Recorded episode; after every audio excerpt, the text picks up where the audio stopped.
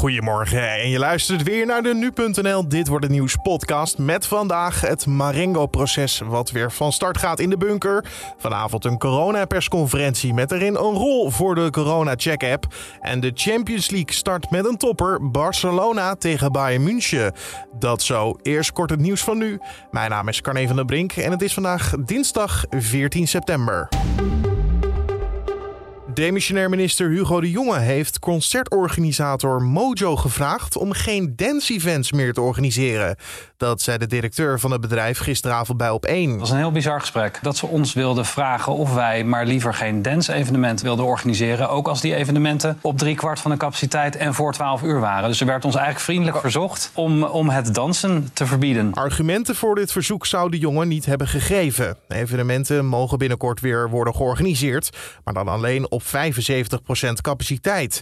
Dat is volgens de evenementensector totaal niet haalbaar. Uh, dat heeft te maken met kosten. In de laatste 10% weet je of je, of je kiet speelt of, uh, of, of daar wat aan overhoudt. Er komen ongelooflijk veel kosten en, en materialen en mensen bij kijken om iets goeds neer te zetten. En die 75% die, die, die werkt dus niet. Mojo sluit niet uit dat ze naar de rechter stappen.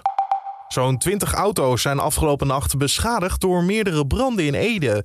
Op totaal zes plekken in de wijk Veldhuizen ging het goed mis. De beschadigde voertuigen stonden op parkeerplaatsen, maar ook langs de weg geparkeerd.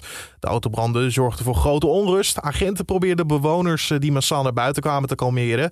Het onderzoek moet blijken hoe de branden zijn ontstaan en of het om brandstichting gaat. Zover bekend is er nog niemand aangehouden. Zorgmedewerkers melden zich de afgelopen maanden wederom meer ziek dan ze in jaren hebben gedaan. Het percentage ziekmeldingen was het hoogst sinds 2003, dat meldt het CBS. In tegenstelling tot eerdere metingen ligt het verzuim nu in alle sectoren van de zorg hoger dan het landelijk gemiddelde. Het hoogst ligt het ziekteverzuim in de verpleging, verzorging en thuiszorg. Het CBS kan niet zeggen in hoeverre corona een rol speelt bij het groeiend aantal zorgmedewerkers dat zich ziek meldt. Want ook al voordat de pandemie uitbrak, nam het verzuim structureel toe. De rechter op Curaçao ziet geen reden voor verbod op het homohuwelijk. Volgens de wet van Curaçao mogen alleen mannen en vrouwen met elkaar trouwen. Maar volgens de rechter is dat in strijd met het discriminatieverbod. De zaak was aangespannen door Human Rights Caribbean namens twee vrouwen die wilden gaan trouwen. En zolang er geen alternatief is voor homostellen, zoals een uh, geregistreerd partnerschap, gaat het volgens de rechter om discriminatie. Hij heeft dan nu ook de wetgever gevraagd om maatregelen te treffen. Dan de dag van vandaag. En dan zien we dat het Marengo-proces weer wordt hervat in de extra beveiligde rechtbank in Osdorp. Ook wel de bunker genoemd. 17 personen staan terecht voor betrokkenheid bij verschillende moorden, pogingen daartoe of de voorbereidingen daarop. Hoofdpersonen zijn kroongetuige Nabil B. en hoofdverdachte Ridwan T. Het is tevens de eerste zitting sinds de moord op misdaadverslaggever Peter de Vries. Ja, en heeft dat nog gevolgen? Collega Julien Dom belt erover met rechtbankverslaggever Joris Peters. Uh, ja en nee. Uh, nee. Als je het heel zakelijk bekijkt, dan niet. Dan zal het proces uh, gewoon op de normale manier doorgaan. maar ja, omdat er natuurlijk een verschrikkelijk iets is gebeurd met de moord op Peter. zijn rol in dit proces was zeer aanwezig. Dus het zal een enorme emotionele weerslag vooral hebben op het proces. Hij was natuurlijk, tenminste hij stond de kroongetuige Nabil B. bij. Um, Nabil B. komt volgens mij deze dinsdag niet aan het woord, maar het is voor hem ook een gemis. Hij staat voor volgende week op de agenda als het ware. Wat betekent dat? Nou ja, ik bedoel, uh, wat betekent dat? Die, man is uh, drie personen om hem heen verloren tijdens dit proces. Alle drie vermoord. hij kampte al met, met, met problemen. Uh, blijkbaar zijn die dusdanig opgelost dat ieder geval in staat weer is om te verklaren. Uh, maar ook dit zal weer zeker weer zijn weerslag op hem hebben. Uh, mogelijk dat hij, dat hij vandaag nog even aan het woord komt. Dat hij misschien zelf nog even een verklaring geeft. maar zijn verhoor staat inderdaad gepland voor de week daarna. Ja, de, vandaag komt vooral de stand van het onderzoek aan bod. wat houdt dat in?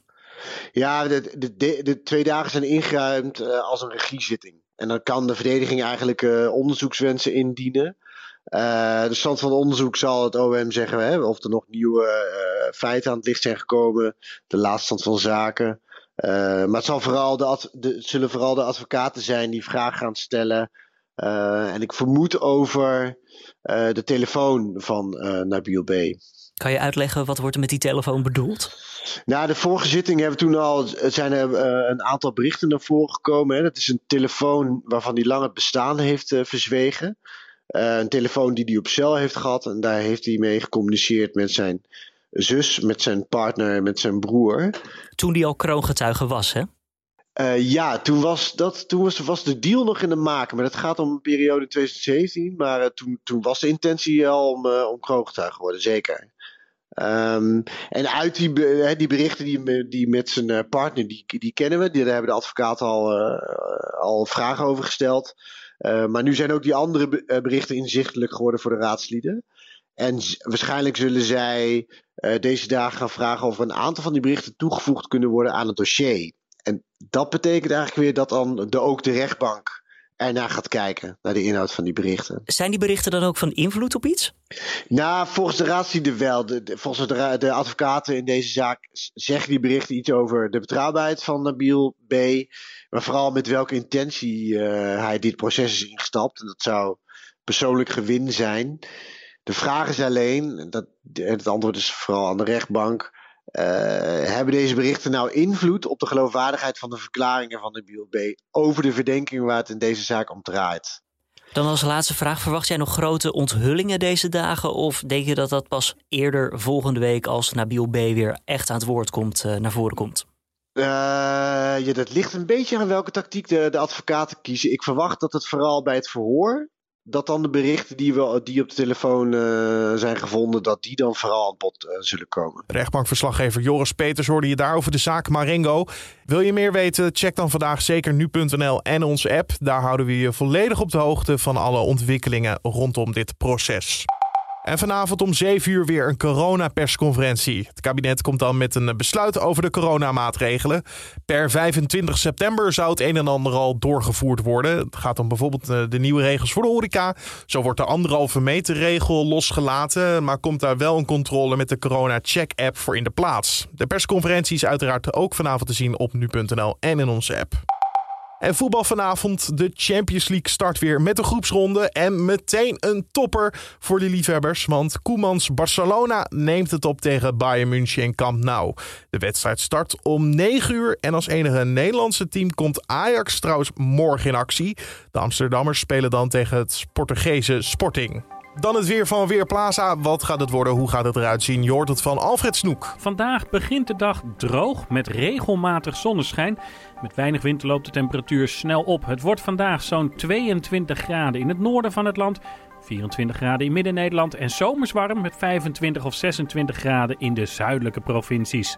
Wel neemt in de loop van de middag de bewolking toe en later vanmiddag, maar vooral vanavond trekken een aantal buien over het land, plaatselijk met onweer. En daarmee wordt de warmte alweer uit ons land verdreven. Dankjewel Alfred Snoek van Weerplaza. En om af te sluiten nog even een bizar sportverhaal. Want een Algerijnse judoka en zijn coach zijn gisteren voor zo'n 10 jaar geschorst.